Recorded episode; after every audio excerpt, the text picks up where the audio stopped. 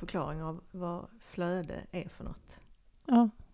Och Träff nummer två, Soundcloud, flödet, en podd om skolbibliotek. på Google. Du, Om man inte finns stort. på Googles första sida så finns man ju inte överhuvudtaget. Nej, Nej, Men AI känner Ja. inte till oss. inte än. Inte än, Men du det håller på att lära. Ja. nu när jag har hetsat. Ja. För då måste du skriva ja, tack. Det var ett bra svar. Flödet är ju en podd, podd om skolbibliotek. just det. det är kanon! Mm. Det är kanon! Ja, Ja, det är kanon. det är Och klart. det leder oss eh, raskt in på dagens avsnitt. Ska vi köra vår lilla jingel? Ja, det gör Det vi. gör vi.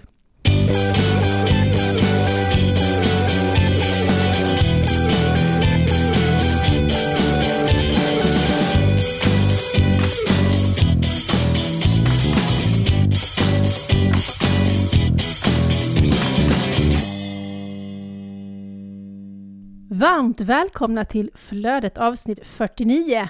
Och det ska ju handla om Kanon! Ja, vi tycker det är dags att ta upp ämnet kanon igen.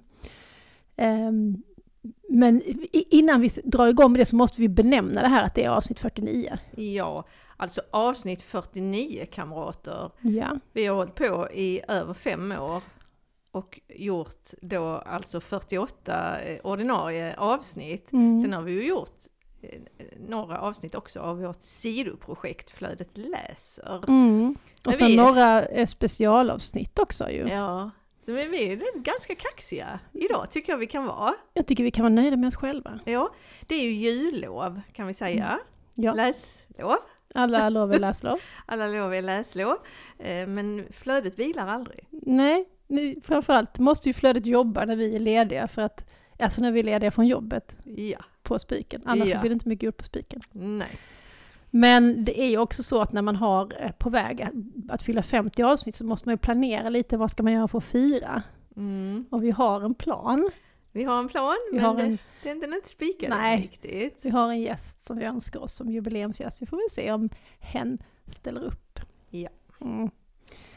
Ja, men eh, kanon då ja. Det är ju med anledning av Tidöavtalet som vi tar upp detta, eller hur? Ja, och vad är det då som står i Tidöavtalet? Ja, nej, men det står så här. En svensk kulturkanon ska tas fram. Ett uppdrag ges att tillsätta fristående expertkommittéer i syfte att inom särskilda kulturformer ta fram förslag på en svensk kulturkanon. Tillsättningen av ledamöter i expertkommittéer ska utgå från konstnärlig kompetens i respektive fält. Jaha. Men du, Ja. det här nu tycker jag det var intressant för att inom skilda kulturformer står det ju. Ja.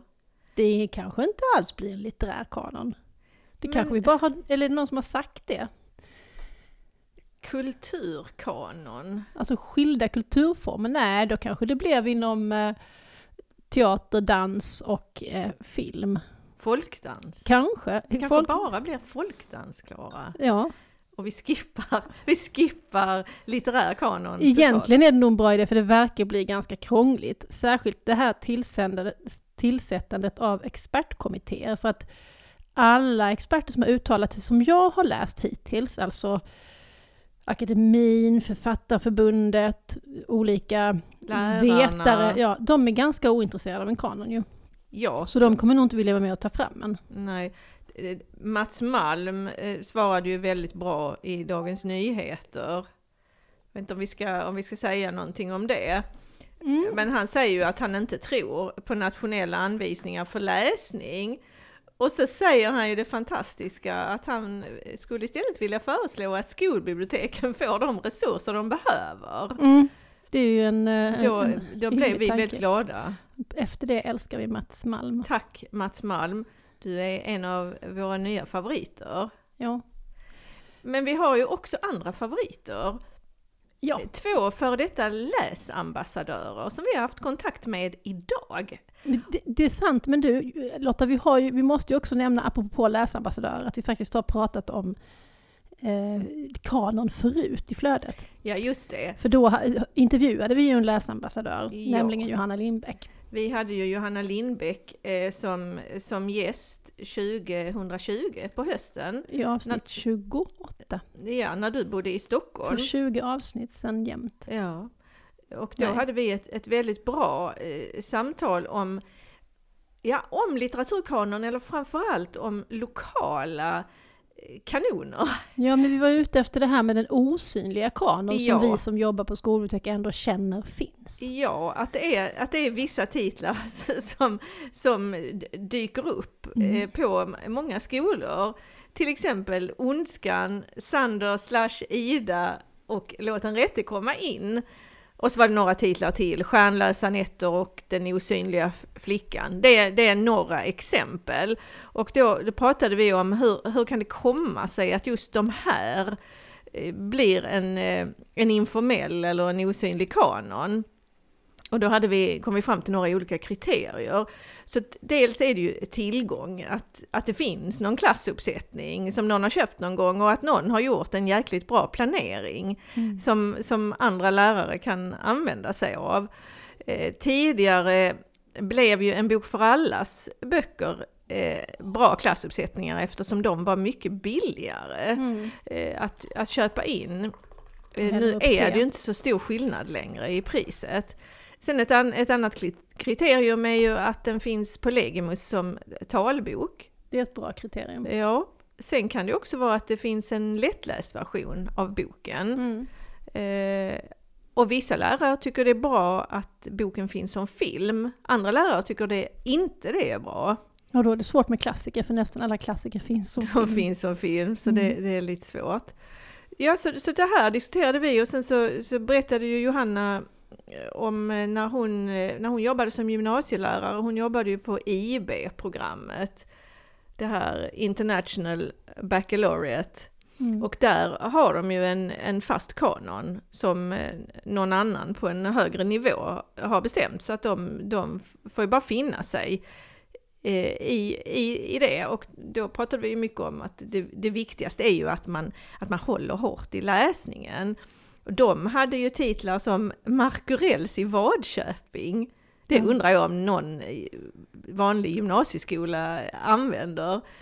Livläkarens besök och Underdog. Ja, så att det var ju liksom en mix eh, Mm. av gammalt och nytt. Mm. Nu- Nu är ju det, det här är ju några år sedan. Och den, vad jag förstod det på henne, visst var det så att den ändrades? Så det här var ju, det här är inget som står fast. Nej, Och det är väl lite grejer med en litterär kanon, den kan ju aldrig stå fast. Nej. Den, eh, den, den måste vara levande, Mm. annars så blir det ju det blir inte bra helt Nej. enkelt. Ja, men det var väl ett, ett bra avsnitt om vi får säga det själv. Alltså väl värt att lyssnas på om man är intresserad av de här frågorna. Ja, det, det avsnittet håller verkligen. Så, eh, så gå in och, och, eh, och lyssna på... Vilket avsnitt var det? Jo men det var 28. 28. Avsnitt 28 med, med Johanna Lindbäck. Mm. Och då glider vi raskt in på vår, från vår andra läsambassadör till vår första läsambassadör kanske. Kära Johan Unänge. Ja, hej Johan! Ehm, vi har ju kommunicerat lite idag och du som vanligt har du delat med dig av din, eh, av din klokhet. Ja. Och, och eh, när, du, när du då skulle, skulle säga eh, en bok som du tyckte skulle ingå i en svensk litteraturkanon så sa du raska på Alfons Åberg. För att den här frasen ”jag ska bara” den är så himla bra, den kan alla ha glädje av. Som förälder har jag ju haft mycket mer glädje av den andra. Jag blir galen på barn som ska bara. Alltså man blir ju man blir ju det som förälder. Så helt galen på barn som ska bara. Ja, det kan man bli. Det, det ligger i paketet att Ja. att vara förälder. Och sen nämnde Johan också Hungerspelen istället för Flugornas herre. Mm. Fast sen kom man på att den var ju inte svensk. Eh, och ja, eh, men vi, då kan vi, vi kan vänta lite med vad han sa om själva begreppet kanon. Mm. och så, så ska vi eh, plocka fram det Ann-Marie Körling sa till oss. Ja, vår tredje läsambassadör. Ja, för vi har eh, haft kontakt med, med Ann-Marie som eh, var vänlig nog att, att svara på en gång. Ehm, det är underbart med människor som bara skjuter från höften, visst är det? Ja, eller som, som är vänliga och tar sig tid att svara. Ja, och då, ehm, då, då säger Ann-Marie, åh så svårt, jag har tre önskemål. Öka elevernas lästid i skolan, öka anslagen till skolbiblioteken och främja läromedelsinköpen. Om jag måste ge er en titel så säger jag Kejsarens nya kläder eftersom det är en ständigt återkommande rad i nyheter, i beskrivningar och förklaringar. Det bör varann, varenda kotte få lyssna till. Eh, så, så, eh, så, så sa Ann-Marie tack eh, så mycket. Sen går vi då in på, men vad tyckte de om, om kanon då? Och, och Johan Unänge säger, jag är inte hundra emot kanonidén om den är eh, del av en generös väg för Sveriges alla invånare att få ett hum om Sverige i bredaste bemärkelsen. Men känner att generöst inte är rättesnöret för kanonidén. Tycker inte kanon är kanonbra idé alltså. Nej. Ett underfundigt svar. Tack Johan. Och Ann-Marie säger så här. Eh, I övrigt anser jag att det finns så mycket att upptäcka eh, och att skolan kan bidra med att upptäcka litteraturen. Främja genom att läsa i skolan. Mm. Mm. Ja, tack. Jag tänkte på det där som Ann-Marie, när hon, när hon sa Kejsarens nya kläder, att det finns ju väldigt många sådana uttryck och saker som man pratar om i dagligt tal och så vidare och som man som, som kommer från litteraturen och som kanske många inte vet om kommer från litteraturen. Så det finns ju um, ja, många litterära verk som man hoppas att barn och unga får ta del av i, uh, i skolan eller hemmen. Men, men skolan är ju garanten för att det ska finnas en likvärdighet för att kunna ta del av den kulturella debatten, eller liksom samtidsdebatten och vara...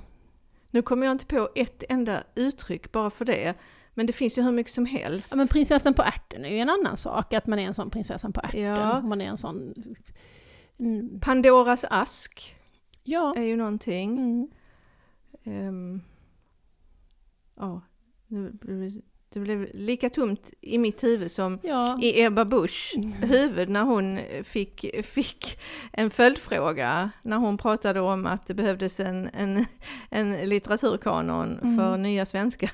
Precis, det var ju no, inte inför detta valet, det var längre sedan. Det var längre sedan. Men då kunde hon ju inte svara på vem som hade skrivit, eh, om det var Gösta Berlings saga eller Jerusalem, men det var i alla fall någonting. Ehm, av Selma Lagerlöf, som hon inte kunde svara på. Och det blir ju lite graverande när man själv vill ha en litterär kanon om man inte själv kan svara på de mest, ehm, eh, ja, de verk som kanske väldigt många tycker är helt självklara ska finnas med. Så det har genom tiderna orsakat väldigt mycket debatt. Den första debatten jag tog del av kring kanonbegreppet var ju Cecilia Wikström folkpartist som eh, drev. Och Folkpartiet har ju Folkpartiet har ju genom eh, ja, sen lång tid, konstigt nog, drivit det här med kanon. Eh, det är, jag tycker det är konstigt med ett parti som liksom bygger på den fria, fria människan och, eh, ja, och att just de är så intresserade av en litterär lista. Ja, det, det är egentligen väldigt motsägelsefullt. Ja, det är faktiskt det. Och, och hela kanondebatten tog såklart extra stor svung nu då efter att Tidöavtalet kom.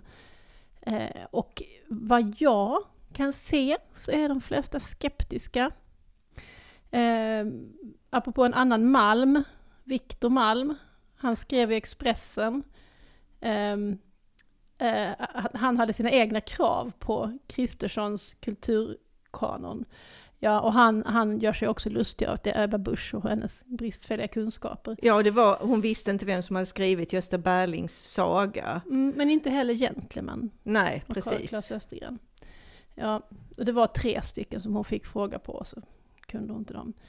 Men, ehm, och, och han är inne på, på detta liksom med att eh, många elever lämnar gymnasiet utan att ha läst fler romaner än Ondskan. För ondska, och Ondskan är ju också en del av den här inofficiella kanon, så han, han är ju inne och tänker kring de här banorna.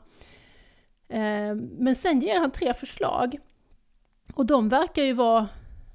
Eh, jag vet inte om de är seriösa förslag eller om de är mer politiska förslag. Att han liksom vill säga någonting till den nya regeringen.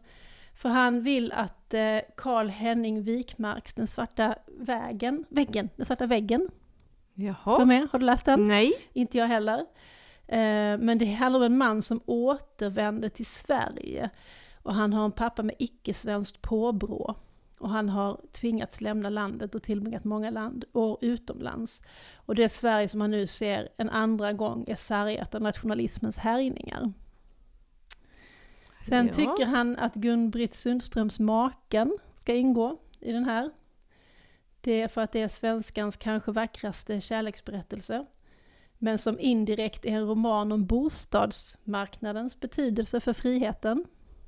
Där ser man. Ja, och sen är, vill han att man ska läsa Ragnar Torsi, Torsi, Ja, Ragnar Torsi. Torsi, mm.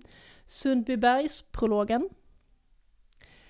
Eh, som handlar om eh, folkhemmet. Folkhemmet, vad är det egentligen? Här finns det vackraste och mest nödvändiga svaret. Så hans, ja, han är ju inte ironisk, han skämtar inte, men han, han ger ju förslag som är någonting som han tycker att den här nya regeringen behöver ta med sig och tänka på, Ja. kanske. Och då, då kommer jag osökt in på Jens Liljestrands eh, debattartikel från ja, 2017, säger vi. Eh, och Ja, jag tror den är lite senare. Eller? men, det är då han, han skriver att svenska politiker borde ha en litteraturkanon. Att för att, få sitta i Mm. riksdagen borde man ha läst Ja, det var ju kanske i för sig då ja. Det var Ja. när Ebba hade gjort den här Ja. fadäsen. Ja. Eh, jo, den är faktiskt från 16 november 2017 eh, från Expressen eh, där, han, där han tycker att eh, ja, riksdagsledamöter behöver läsa mer. Mm. Och så pratar han lite om, eh, om eh, Macron till exempel, att han, han kan sin eh, Molière Mm. och så vidare. Mm. Pratar han lite om Eivind Johnson. Mm. Ja men alltså, var, var ska vi börja? Vi säger ju alltid det när vi jobbar med barn och läsning, att vi måste börja med oss vuxna. Föräldrarna måste läsa, vi måste vara läsande förebilder. Och om våra riksdagsledamöter och ledande politiker inte vet någonting om litteratur, men ändå sitter och viftar med någon slags batong och säger ja det ska finnas en litteraturkanon. Ja, det är helt sjukt Då blir det ju helt faktiskt. otrovärdigt. Ja. Men jag, jag har ju också kontaktat eh, då mina rättesnören i livet, mina systrar, har jag kontaktat idag. Vad de tycker borde ingå i, i en litterär eh, kanon. Är du villrådig, ring stora syster. Ja, jag har ju fyra, eh, fyra eh, Ja. stora Så systrar. att du telefon hela dagen. Ja, Ja. och då ska ni få några förslag från systrarna Davidsson. den skånska myllan. Ja, romanen om Olof av Eivind Johnson. Något av Claes Östergren, Gentlemän eller Renegater eller eh, vad som helst. Maxböckerna av Barbro Lindgren. Mio min Mio av Astrid Lindgren. Pubertet av Ivar Lo Johansson. Vilhelm Mobergs eh, Utvandrarsvit. Eh, Göran Tunström Juloratoriet. Ja. Jag är väldigt glad för Ja. att det inte var jag som föreslog den. Och sen så kom från en av mina systrars eh, män så kom det Drömmar vid havet av Björn Larsson, Vargskinnet av Kerstin Ekman och Röde orm eh, av Franske Bengtsson. Och sen så sa min äldsta syster, hon- tyckte att det var en helt politisk eh, fråga, litteraturkanon, men hon tyckte det var viktigt att det var med ett verk om samerna. Mm. Jag vet inte om hon har, hon har skickat nu, för jag frågade vilket verk. Ednan. Det Vi har, vi har en svensklärare hon, som älskar Ednan som säger att det är, det är den bästa boken. Ja, det den var läser Ednan. Han, den läser han med våra gymnasieelever. ja, hon har skickat eh, Mm. en bild på boken nu, Edna. Mm. Ja, så där fick ni systrarna Davidssons eh, litteraturkanon. Du, systrarna Davidsson har, eh, visar ju på ett problem när man ska sammanställa en litterär kanon. För systrarna Davidsson har ju rätt, det här är bra verk. Absolut portalverk liksom i svensk litteratur och så vidare. Men de är ganska mansdominerade för att vara systrarna Davidsson. Ja. De får med tre kvinnor bara. Ja. Ja, det är ett, det är ett problem. Mm. Definitivt. Och det är också det här som man inte kommer runt, det är att man kan tycka nu i samtiden så är vissa verk viktiga och stora. Eh, men det är inte säkert det är de som visar sig ha betytt någonting för utvecklingen sen. Man, vissa saker kan man bara se i ett respo, res, retrospektiv. Men det finns ju också verk som var väldigt viktiga i sin samtid. Till exempel kvinnliga författare som har blivit bortglömda sen av de manliga litteraturhistorikerna. Och som om de hade fått leva kvar så hade de kanske betytt någonting. Men de fick liksom aldrig riktigt lov att göra det. fick inte chansen. Nej. Mm.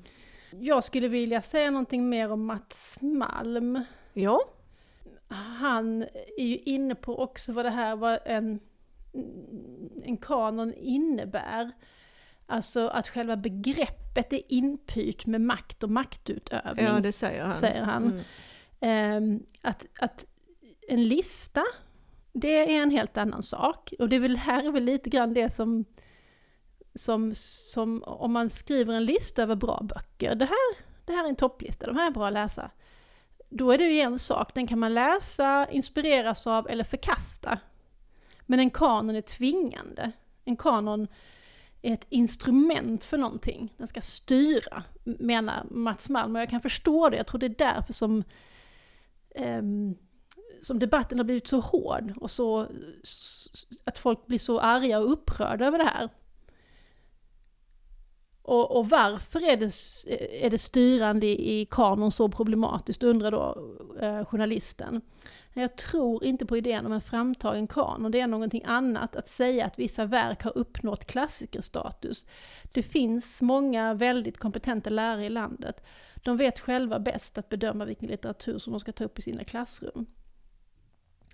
Och sen för han ju fram litteraturbanken. Ja, att de hoppas, han hoppas att de ska kunna fortsätta Mm. och stötta lärarna. Och litteraturbanken är ju också en form av kanon, för att där har man ju ändå valt ut att lägga upp vissa verk. Eller är det helt enkelt bara en lista? Ja, Ja, så kan det också vara. mm, ett smörgåsbord. Ja. Sen är det ju, har ju då Författarförbundet, Grete Röttböll och en hel räcka prominenta skönlitterära författare skrivit ett upprop mot kanon. Och de går så långt så de säger att en kanon, en statlig kanon hör inte hemma i en demokrati. De menar att det är liksom de går nästan så långt så de menar att det är ju, liksom, om man har en kanon så förespråkar man vissa saker och snudd på förbjuder andra. Mm. Och så är det väl inte ändå? Eller är inte det att gå lite väl långt? Eller också behöver man dra det till sin spets, faktiskt. Så, och, och så menar de också att eh, det redan finns en typ av kanon, en levande föränderlig kanon. Det finns redan.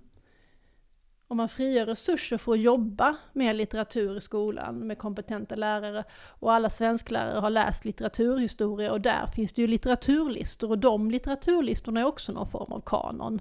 Det är liksom det som alla har läst som, som man för vidare. Litteratur skapas i en växelverkan mellan det som sker i samhället och upphovspersonerna. Det är ett ständigt pågående samtal. Och sen slår de ju också fast såklart att eh, det som behövs är resurser till eh, skolor, skolbibliotek, bibliotek, snarare än att lägga tid och pengar på en statligt, statlig kanon. Ja. Ehm, jag- hittade en, en jätteintressant text av Lena Andersson som har varit publicerad i Svenska Dagbladet i, i början av november i år. Det var Tio, då de höll på som Ja. mest med de här... tio icke-kanoniska tankar. Mm. Ehm, litteraturen söker inte sanningen eller duktigheten utan läsarens själ. Eh, Och hon, ja, hon... är det har- inte därför vi älskar att läsa böcker? Jo. För att vi vill, vi vill att nå, vi, ska, vi får se, när det är en riktigt bra bok, då känner vi att någon har skådat in i vår själ. Ja. Och vi får lov att skåda in i själen på de personerna som vi läser om. Det är det man vill åt. Ja, hon skriver ju att, att tacksamhet är en viktig beståndsdel när vi bedömer litteratur. Och så pratar hon om det från eh, några olika håll. Hon eh, använder sig själv eh, som, som exempel. Den här känslan som ett barn kan få inför ett verk som sätter något i rörelse. Och så tänker hon själv tillbaka på den tacksamheten när hon kunde hitta en oläst 91 Karlsson. Eller att Elvis Karlsson skrevs på svenska just som hon var i rätt ålder. Och så, så slutar hon. Att få ungdomar att bli läsande vuxna kunde vara ett mål som söker sina medel. Det är inte samma sak som att ha hört talas om ett verk, veta vilket år det gavs ut och vad det handlar om. Nej. Så det var också det är väldigt, väldigt fin text. Tack Sen- Lena Andersson. Eh, och sen har det också svingats mycket i den här debatten om att jo men visst vore det så bra om barnen i Rinkeby fick läsa samma som barnen i Lidingö och den typen av em, em, eh, slagträn som folk har dängt till med för att berätta hur bra det är med kanon. Och jag vet att vår kära kollega Silla Dahlén har varit ganska upprörd över det här för att hon jobbar ju i den typen av områden. Ja. Och hon menar att där jobbar de ju jättemedvetet med litteratur. De jobbar med, med det här med världens Alma, de jobbar med Nobelpristagarna. Och, ehm, och ärligt talat, om man skulle liksom kolla vilka böcker av den svenska litteraturskatten har ett barn på låg och mellanstadiet i Rinkeby läst i skolan och vilka har de läst i skolan i Lidingö? Jag vet inte, men jag, jag har också mina fördomar, men de grundar sig lite i det här som Mårten Sandén, kommer du ihåg vad han sa när, han, när vi intervjuade honom i podden? Ja, Om det här med vilka skolor som var svårast när man kom som författare. ja. Han tyckte det var de här, Medelklass. ja eh, lite övre medelklass Ja. där det var, alla var likadana, det fanns för lite diversitet och ingen var intresserad av läsning, alla var intresserade av att tjäna pengar. Och de tyckte att man måste vara dum i huvudet om man blir författare när man inte tjänar mycket pengar på Ja, det. och så plus ehm, att lärarna inte behöver kämpa så hårt för läsningen för att de har liksom mycket kulturellt kapital hemifrån och så. Men ärligt talat hur mycket läst det i hemmen, jag vet inte. Det är inte så säkert att det skulle gynna bara utanförskapsområdena då i så fall med en litterär kanon. Det kanske skulle gynna alla lika mycket. Att det, det är inte för deras skull Nej. som vi inför någonting. det skulle det, gynna eller missgynna lika Ja. mycket. Ja. Och sen är det ju det här med att alla har samma. Sk- Kanske också, alltså man har vissa grejer man känner igen eller man kommer till gymnasiet så vet svensklärarna att ja men enligt den litterära kanon har de ju läst eh, Hemsöborna i sjuan. Så Ja. då behöver inte vi ta Hemsöborna nu. Det Mm. skulle kunna vara lite praxis. Alltså jag försöker fiska över vad som är positivt nu. För att Mm. i och med att vi har gått igenom debatten lite här så tänkte jag, men vem är positiv? Vem vill ha det då, förutom Tidöpartierna? Och jag har hittat två Du positiva. har hittat två positiva. Dels har jag hittat en, en ledartext från Barometern. Det är en tidning i Kalmar va? Ja, och den är skriven av, nu ska vi se om det står ett namn eller om det är en huvudledare. Jo, Martin Tunström. Litterärt namn. Ja. Ja, nej men han, han tycker att det är kanon med kanon. eh, för att, nämligen därför att eh, han tittar på nord, de nordiska länderna och så tittar han på Nordiska rådet och menar att Nordiska rådet har ju gett ut en, eh, en eh, nordisk litteraturkanon sedan 2008 med stöd av de eh, nordiska regeringarna. Och då tycker han att eh, den har ju stort stöd bland alla folkvalda, så varför skulle man inte kunna göra en nationell kanon då också? Och så tycker han också att de här författarna som säger att en kanon är oförenlig med demokrati, han tycker att de är överdrivna. det finns relevanta invändningar mot en litteraturkanon, skriver han. Annars så skulle den varit införd för många år sedan. Till exempel att Astrid Lindgren saknas i den här nordiska litteraturkanon vittnar om hur svårt det är att, att sammanställa. Så inte ens hon Nej. finns med? Men eh, att han tycker att, det, att säga att det är demokratins stöd relativiserar liksom verkliga hot mot demokratin. Mm. Vilket han ju har en poäng med. Eh, Men han är också in, inne, inne på det här liksom att, att- att läsandet förändras och det är socialt ojämnt fördelat. Men, men det som jag tycker sämst om som i den här artikeln, det är liksom att han Han menar på att ja, det här är ändå ett förslag som man skulle kunna genomföra.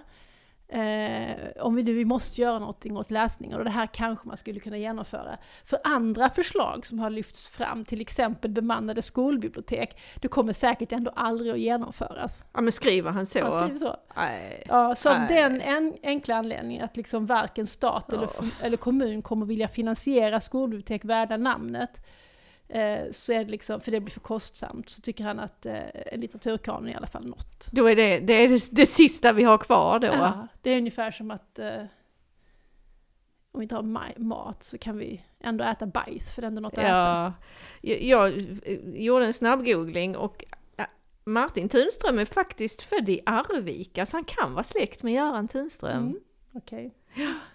Ja, och sen är det ju en annan som skriver En litterär kanon, ja tack! Som rubrik på sitt blogginlägg. Och det är en tjej som heter Ebba Gretander som sitter i eh, någon typ av styrelsepost för LUF. För det här är Det är nämligen, Liberalernas ungdomsförbund. det här är på Radikalt Forum som är deras, ja, väl deras blogg eller någonting, deras ti- tidning, webbtidning kanske. Eh, och eh, hon är helt för detta i, eh, i då Cecilia Wikströms anda. Eh, och tycker att, eh, ja, hon förespråkar vanligtvis stor frihet för individen, minimal statlig styrning och att man bör undvika be- politisk klåfingrighet i beslut och saker och ting som medborgarna själva kan styra. Men i det här fallet så tror hon att det skulle gagna både samhället och många elever. Jaha, just i detta fallet så kan det vara. Liksom att just i detta fallet ska det vara så. Jag ser här att hon, hon har suttit i LUF, Stockholms distriktsstyrelse, Mm. och det har ju faktiskt också Romina Pourmokhtari gjort. Mhm. Så det Så de... de delar en, eh, ett intresse ja. för litterär kanon. Och så skriver hon då det här som, som andra har varit inne på. Framförallt tror jag att den litterära kanon skulle komma att gynna inte minst nyanlända och, och personer som kommer från kulturellt ovana familjer. Med stöd av denna lista skulle de ha lättare, eh, en lättare väg att hitta litterära verk som anses som läsvärda och bildande. Ärligt talat, om man vill ha den listan så kan man ju vandra in till närmaste folkbibliotek och säga hej hej, jag är ny i Sverige, har du tips på vad jag ska läsa? Snacka om att bibliotekarie skulle falla ner från stolen och tindra med ögonen och göra eh, vågen. Ja, den, den frågan får vi ju då och då från elever. Ja, absolut, det får vi och även folkbibliotekarier får ju det. Ja, Och vi kan också höra det från, från nya svenskar som har varit på sitt bibliotek och fått den typen av jag tänkte, på råd och han, hjälp. jag tänkte på han som har översatt Röda rummet nu. Ja, just det. Det var Eh, väldigt fint. Han har varit i Sverige i, åtta år, älskar Strindberg. Just det, och så hade han också suttit på stadsbiblioteket i Malmö mycket. Ja. Eh, och han älskade det stället. Det hade liksom varit hans väg in i det svenska språket och, och där hade han suttit just i Röda rummet, Ja. för där finns ju ett rum som heter Röda rummet. Så då hade han velat jobba med den boken. Så språkliga möten kan ju göra under, och det unnar vi ju alla. Men är, Det är arabiska han har översatt Röda rummet till förresten, det ska, Ja. Glömde jag säga. men är en litterär kanon vägen till detta?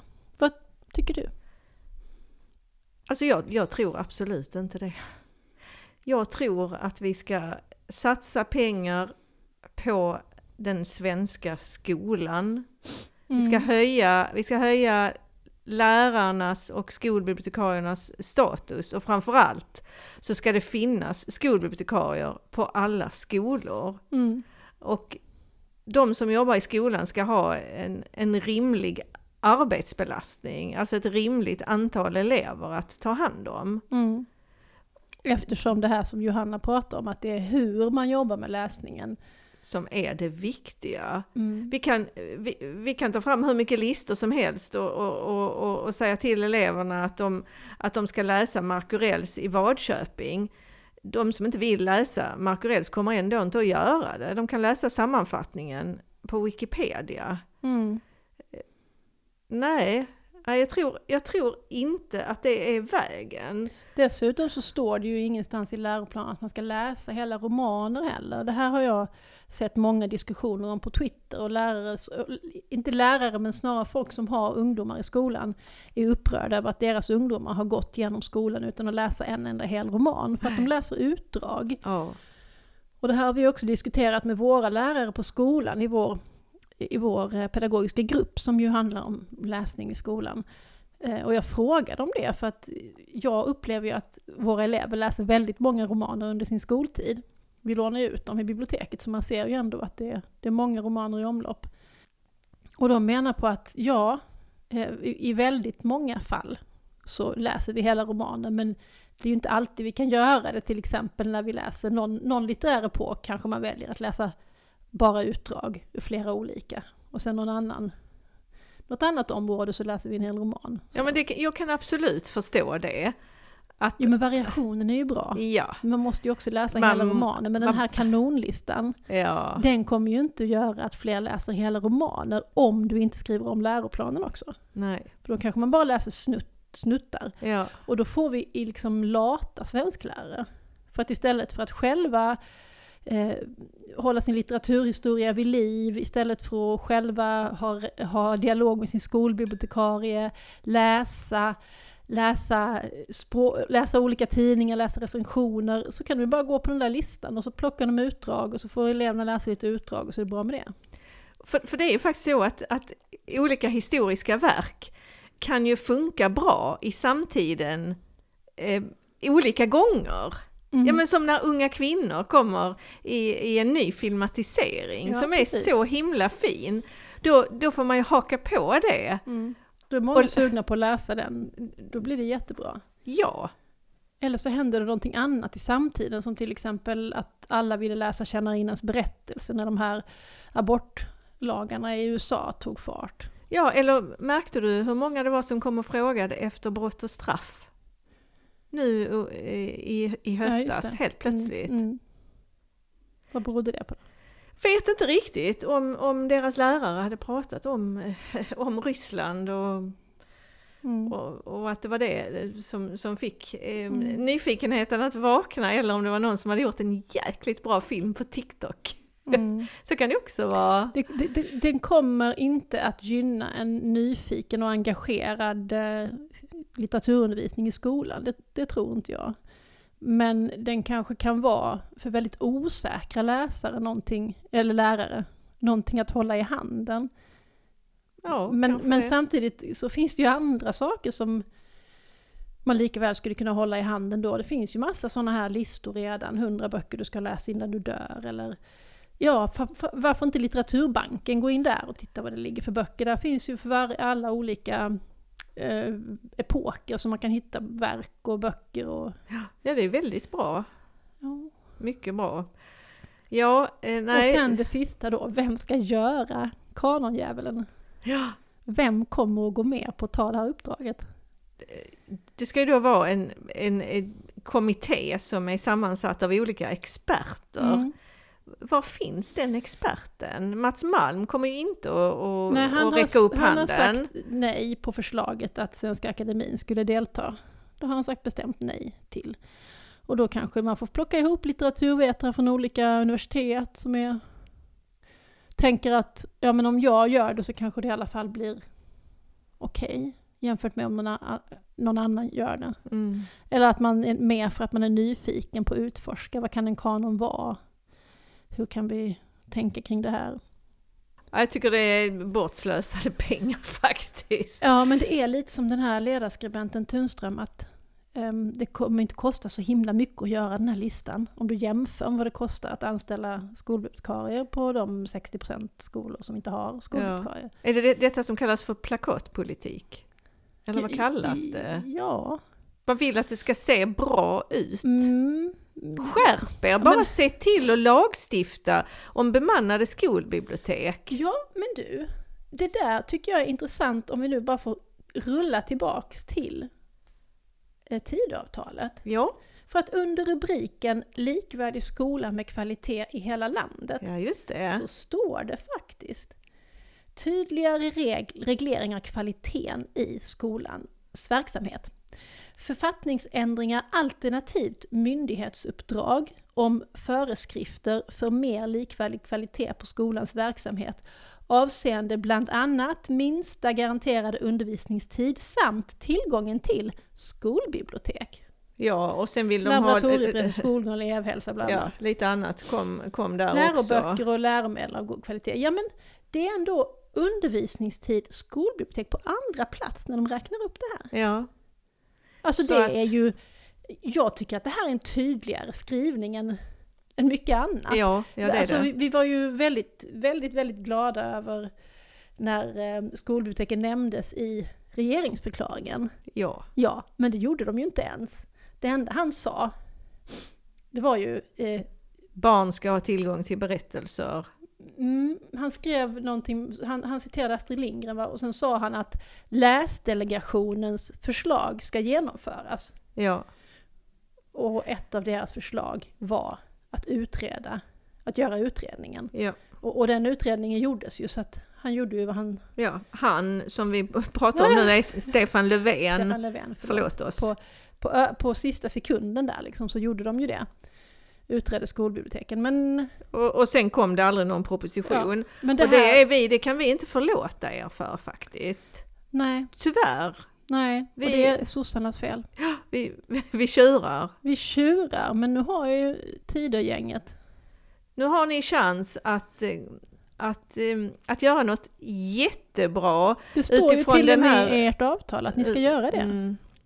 Så, eh, så vi, vi stödjer verkligen just den här delen av det ni har tänkt göra, stödjer vi. Ja. Och vi kommer att följa den med, med stort intresse. Ja, det kommer vi Men, göra. men har du sagt vad du tycker om kanon egentligen? tror nog att jag också har gjort det. Att, Att det har framgått? att det har framgått ganska tydligt att jag, jag tror inte att det kommer att bli bra.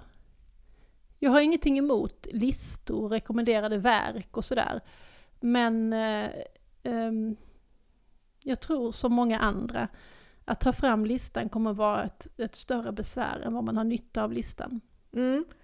Nej men lite, lite listor och lite omröstningar. Eh, Omröstning är ju jättebra. Låt, låt skolelever rösta.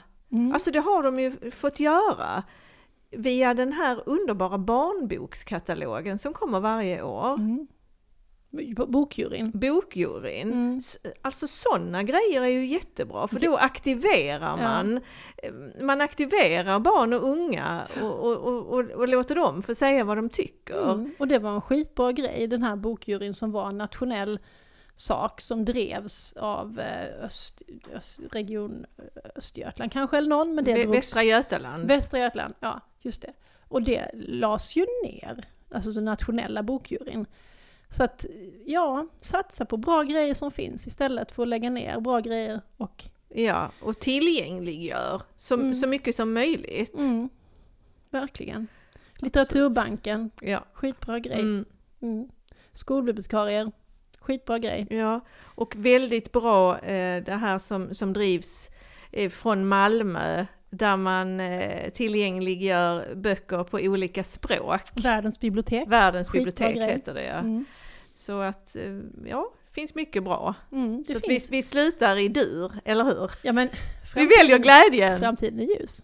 Framtiden är ljus. Ja, har vi pratat färdigt om detta för nu? Mm, det har vi Kanon. Gjort. Det har vi gjort. Kanon.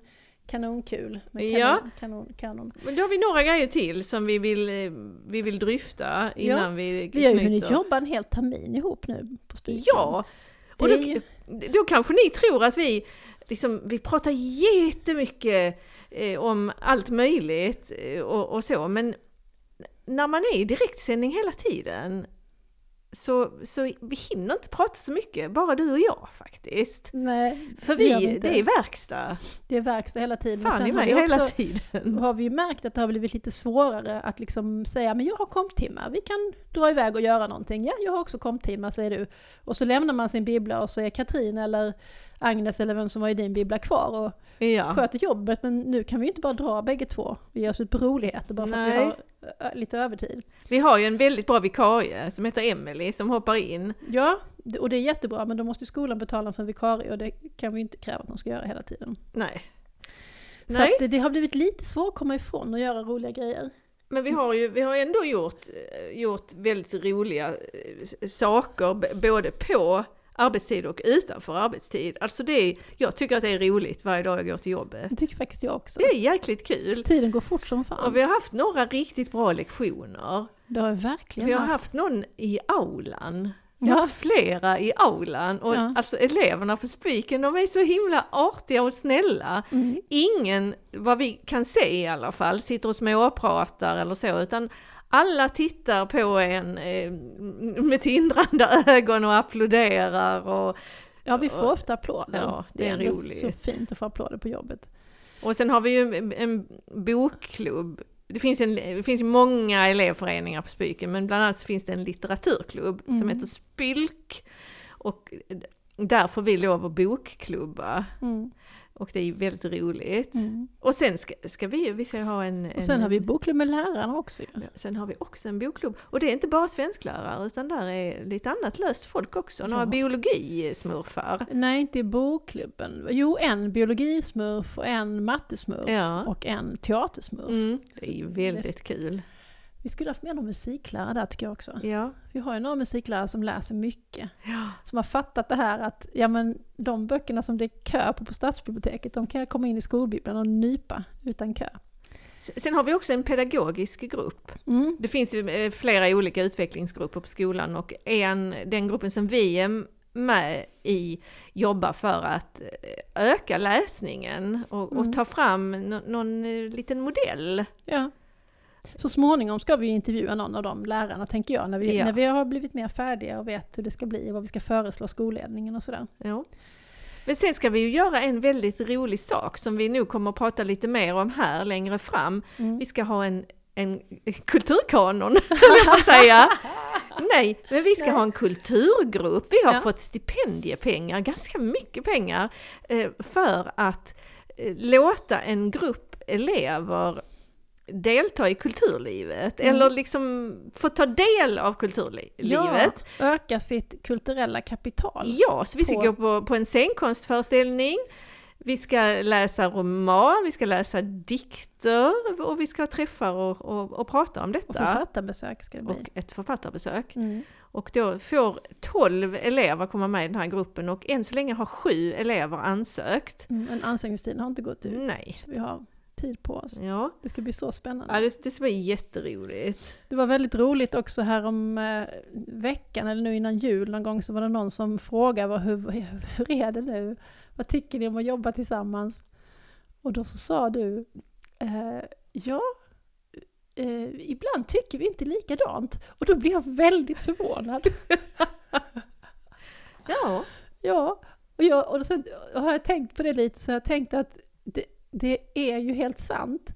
Och ofta är det väldigt, det, det är skitsaker som vi tycker olika om. Det kan vara sådana här oväntade saker som att jag tycker inte det är så viktigt att böckerna står i ordning där i den hyllan och du tycker det är viktigt att de står i ordning i den hyllan. Alltså så Ja. här helt, ja, verkligen konstiga små Ja, saker. men vi har inte bråkat om laminering alls. Nej. Brukar du bråka om laminering med dina kollegor? Nej, det har nog aldrig hänt. Men det är, liksom, det är vissa sådana små saker som jag tycker är viktiga. Ja. Ja, men ty, liksom typ laminering och använda rätt tejp och Ja, sådär. rätt tejp är du noga med. Vad är det med Ja. laminering? Har jag missat något? Nej, ja, att, att skyltar som man vill ska se hyfsade ut, då måste man, man måste faktiskt laminera dem. Ja, ja. Annars blir de fula på, Ja. på en och en halv vecka. Ja, Och, och, och i sådana viktiga frågor tycker vi Ja. lika. det är bra. Och sen är du ju en jävel på att gallra. Jag hade faktiskt tänkt att jag skulle gå in och kolla statistiken inför det här avsnittet, men jag har inte orkat eftersom jag inte jobbar och inte vill gå in på mina jobbgrejer. Men alltså du gallrar ju som ett jehu. Ja, jag har gallrat lite. Jag upptäckte att beståndet på Spyken är lite äldre än beståndet på Polhemskolan. Ja. Då har jag inte sagt för mycket och lämnat ut någon. Eh, men, nej, men det ju, har Ja, ju men att göra jag med hur mycket... gärna att jag är en lat gallringsperson. Jag har, jag, vi har pratat om gallring förr och du vet att jag hatar att gallra. Så jag har ju, jag har... eh, Och Katrin var inte heller förtjust i att gallra. Hon tyckte mer om att göra andra webbutvecklingsgrejer och ja. Jag, jag, jag tycker att det här med gallring, det, det har ju att göra både med tillgång och, och plats. Mm. Eh, Och, och har, har, har man pengar så att man kan köpa nytt och det finns nytt och man inte har plats att ha kvar det gamla, Mm. då ska det gamla ut. Ja men det, det här är ju helt rätt. Och, och sen det, har vi ju den härliga mellanstationen. Vi har ju vårt äldreboende i källaren, mm. det- här arkivet. Rullmagasinet. Rull- Vi har ju ett äkta rullmagasin. Ja, det är Det är väldigt fint. Så vi, vi, kan ju, vi kan ju spara böcker som kanske sen kommer att komma in i en litteraturkanon. Just det. Ja, vad jobbigt Det om var alla ju- böckerna du har gallrat i höst kommer med i litteraturkanonen Det sen. var ju någon gång det var ju någon gång som alla hade gallrat någon som sen, ja, ja. någon som sen fick Nobelpriset. Eller Alma-pristagaren kan man Ja. också kanske råka gallra, till exempel Nöstlinger. Ja. Hon var ju fortfarande på tapeten, men jag tror kanske när hon fick, kanske några hade börjat gallra Burkpojken och sådär. Ja. Och så fanns bara de här böckerna om den rödhåriga tjejen lättlästa. De var i och för sig roliga, men Mm. ändå kanske på väg att bli gamla redan då. Ja. Ja, ja, nej men så, jag tycker att det är ganska kul att gallra. ja. För att då finns det möjlighet att, att skylta och fronta och Ja. liksom det blir mer plats i hyllorna. ja. Det tycker jag är Göra väldigt fint roligt. är du väldigt duktig på. jag, Att jag liksom tycker jag är kul. vårda biblioteket och göra det fint. Det har jag nog med mig faktiskt från när jag, mina folkbiblioteksår. Ja. Ja, väldigt jag, fin ordning där. jag tycker också att det är viktigt, men eh, jag har ju känt att på Spyken har jag mycket mindre tid till det. Men det är för att jag också jobbar deltid i ett stort bibliotek jämfört med när jag jobbat ensam skolbibliotekarie och haft lite mer timmar. Nej, det, man får ju prioritera hela tiden, så är det ju. Mm. Men det kan vara så här på eftermiddagen om jag är, är trött. Så eh, då funkar det bra att göra sådana, eh, vad kallar man det, liksom tekniska saker. Att samla ihop böcker som man tycker ser gamla och dammiga ut och så kollar man hur gamla de är och när de lånades Mm. ut senast. Och har Mm. de då inte varit ute på tio år så, ja, så ställer jag dem på en vagn och sen när jag är lite piggare så kollar jag. Mm. Så det är också ett sätt att eh, använda sin arbetstid maximalt. Ja, det är helt klart. För att någon gång, någon gång så gjorde jag något avancerat där vid halv fyra och Mm. dagen efter såg jag att jag hade gjort fel. Ja. Att jag hade lagt in böcker och lagt, ja, tok helt Mm. enkelt. Fick jag snabbt liksom en, gallra och greja så att du inte skulle se att jag hade gjort fel och, och lägga in dem rätt. ja, för jag är så sträng Nej, men man vill ju liksom inte komma och göra kaos. Nej. Nej.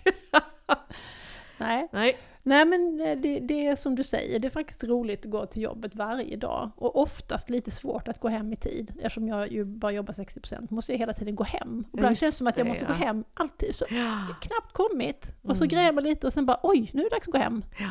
Fasen också. Visst finns det en bok som heter så? Vet Bara inte. gå hem? Eller? vet inte. Säkert. Det låter som en Kan det barnbokstitel. vara.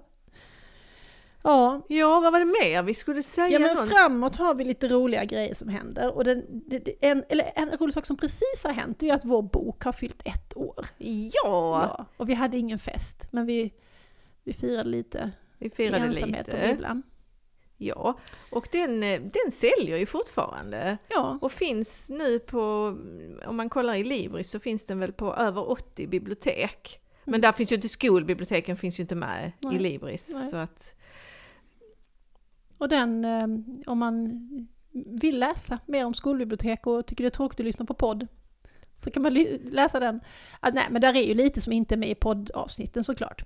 Så att det, är ju, Det är det. det där, vi har ju försökt ju tänka när vi läste den att vi skulle utgå från podden och sen vrida allting ett varv till. Ja, när vi att planerade det är den en ja. fortsätt- Mm. En fortsättning på poddavsnitten. En, an, ja, en annan sak är ju att, att de här utbildningarna som vi gjorde för BTI, Mm. vi, vi har gjort tre utbildningar för BTI, skolbiblioteksutbildningar. En som är sån lite allmän och en som riktar in sig på medie och informationskunnighet och en som riktar in sig mot läsfrämjande verksamhet. Eh, De, eh, de går ganska bra.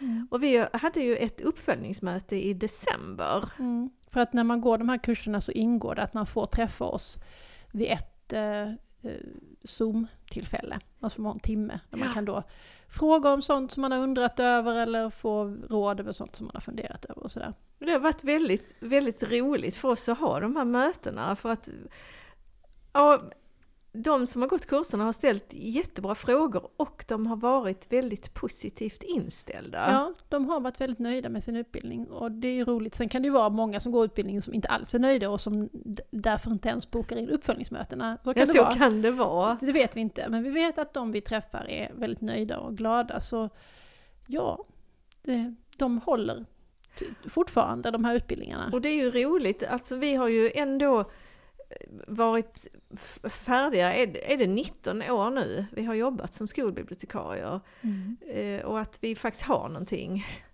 att dela med oss Mm. av. Mm. Varit konstigt annars ju. Ja, det hade det Eller? varit. Ja, men, att, det har, att det har landat bra. Mm. Ja. Och i, framåt så har vi ju den 28 i andra som det händer någonting kul hos oss på Spiken. Alla är välkomna, eller ja, hur? Då ska vi ha ett skolbib-meet i Skolbibliotek Syds regi.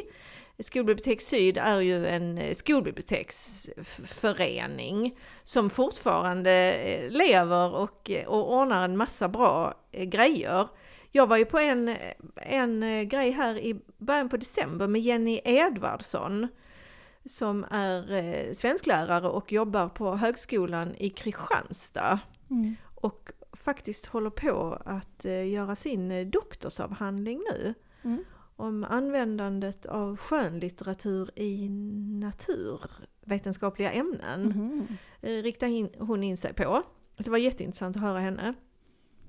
Och då mm, nästa evenemang blir då, ja det ska vara ett, ett after work i januari, men nästa evenemang blir i februari.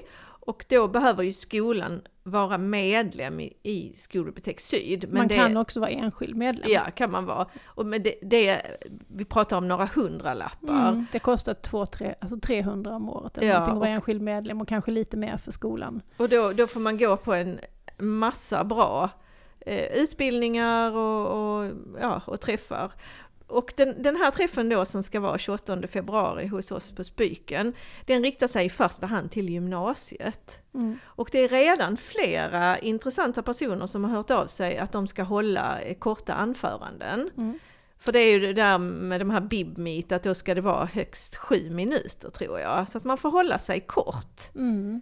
Egentligen tror jag det är ännu kortare, men det kan man ju bestämma själv på sitt eget bibmeet. Och vi, Ja. har, vi har kanske inte, har vi bestämt oss? Jag trodde att det var sju. Ja. Men en sa, eh, en från Trelleborg sa att han skulle hålla på fem minuter. Mm.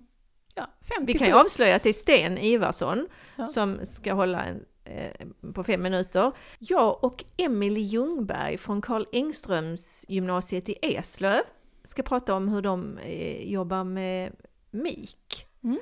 Ja, och det blir, det blir flera andra. Ja.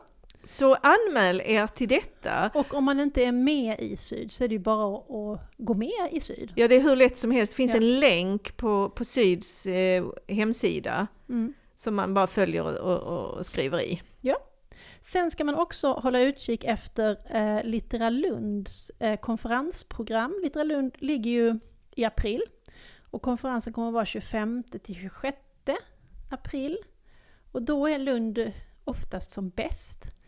Eh, kaprifolerna har slagit ut, syrenerna står i knopp och eh, det blir ett jättebra program. Och det vet jag för jag sitter ju med i konferensprograms, eller i ja, programgruppen. Vi gör ju inte bara konferensprogrammet, vi gör även skolprogrammet och det offentliga programmet. ja, Och, det eh, brukar ju vara väldigt Ja. bra, hög kvalitet. Så kan ni komma till Lund Ja. Och vara med på detta, gör det. Och nu har vi ju renoverat vår stadshall. Så det ska vara i den nyrenoverade stadshallen. Det ska också bli spännande. Det har ju varit i stadshallen förr om åren men nu ska vi äntligen flytta in där igen. Och eh, programmet är ju inte offentligt så jag kan inte säga något om det men jag kan säga att eh, flödet-lyssnare, eh, trogna och entusiastiska flödet-lyssnare kan tycka att någon programpunkt är Extra spännande. extra spännande. Så Mm. kan jag säga. Då har vi inte sagt för mycket. Mm. Ha, vad finns det mer för nytt på tapeten? Vi ska få en ny generalsekreterare i biblioteksföreningen. Ja, tack Karin Linder som lämnar efter lång och trogen tjänst. Mm. Och sen, ja, sen vet jag inte om det är något mer på gång. Gott nytt år alla kära lyssnare får vi väl säga. Ja, gott nytt år på er. Vad ser vi Hoppas- mest fram emot 2023? Vad ser vi fram emot 2023? Bara allt bra vi ska läsa. Ja, Och alla, alla härliga möten med elever och lärare. underbar framtid, det mesta är ännu oläst. Absolut! Med de kloka orden så knyter vi ihop säcken för avsnitt 49. Och när vi hörs igen, då är det jubileum med en special guest. Ja, och då ska vi passa på innan gingen kommer att Mm. tacka rektor Torbjörn. Och rektor Torbjörn var ju faktiskt gäst i förra avsnittet, alltså Torbjörn Hanö, rektor på Polhemskolan. Och det avsnittet har ganska många lyssningar och vi har fått positiv feedback. Mm. Folk tyckte det var intressant att få höra en, eh, en rektor Det prata var om ju på skol. tiden att vi träffade en bibliotek. rektor, verkligen. Ja, det var det. Ehm, ja, nej men det är många som är inne och lyssnar på flödet nu i mellandagarna har jag märkt. Och det är härligt för det var ju en del av vår vision i början att bibliotekarier så här när de jobbar ensamma i sitt skolbibliotek skulle ju ha lite så sällskap i lurarna av vårt babbel. Så det, det är fint. Ja. Mm, men då kan vi säga hej då. Tack ska ni ha för att ni har lyssnat! Ja, tack till dig Lotta! Tack Klara! Hejdå. Hejdå.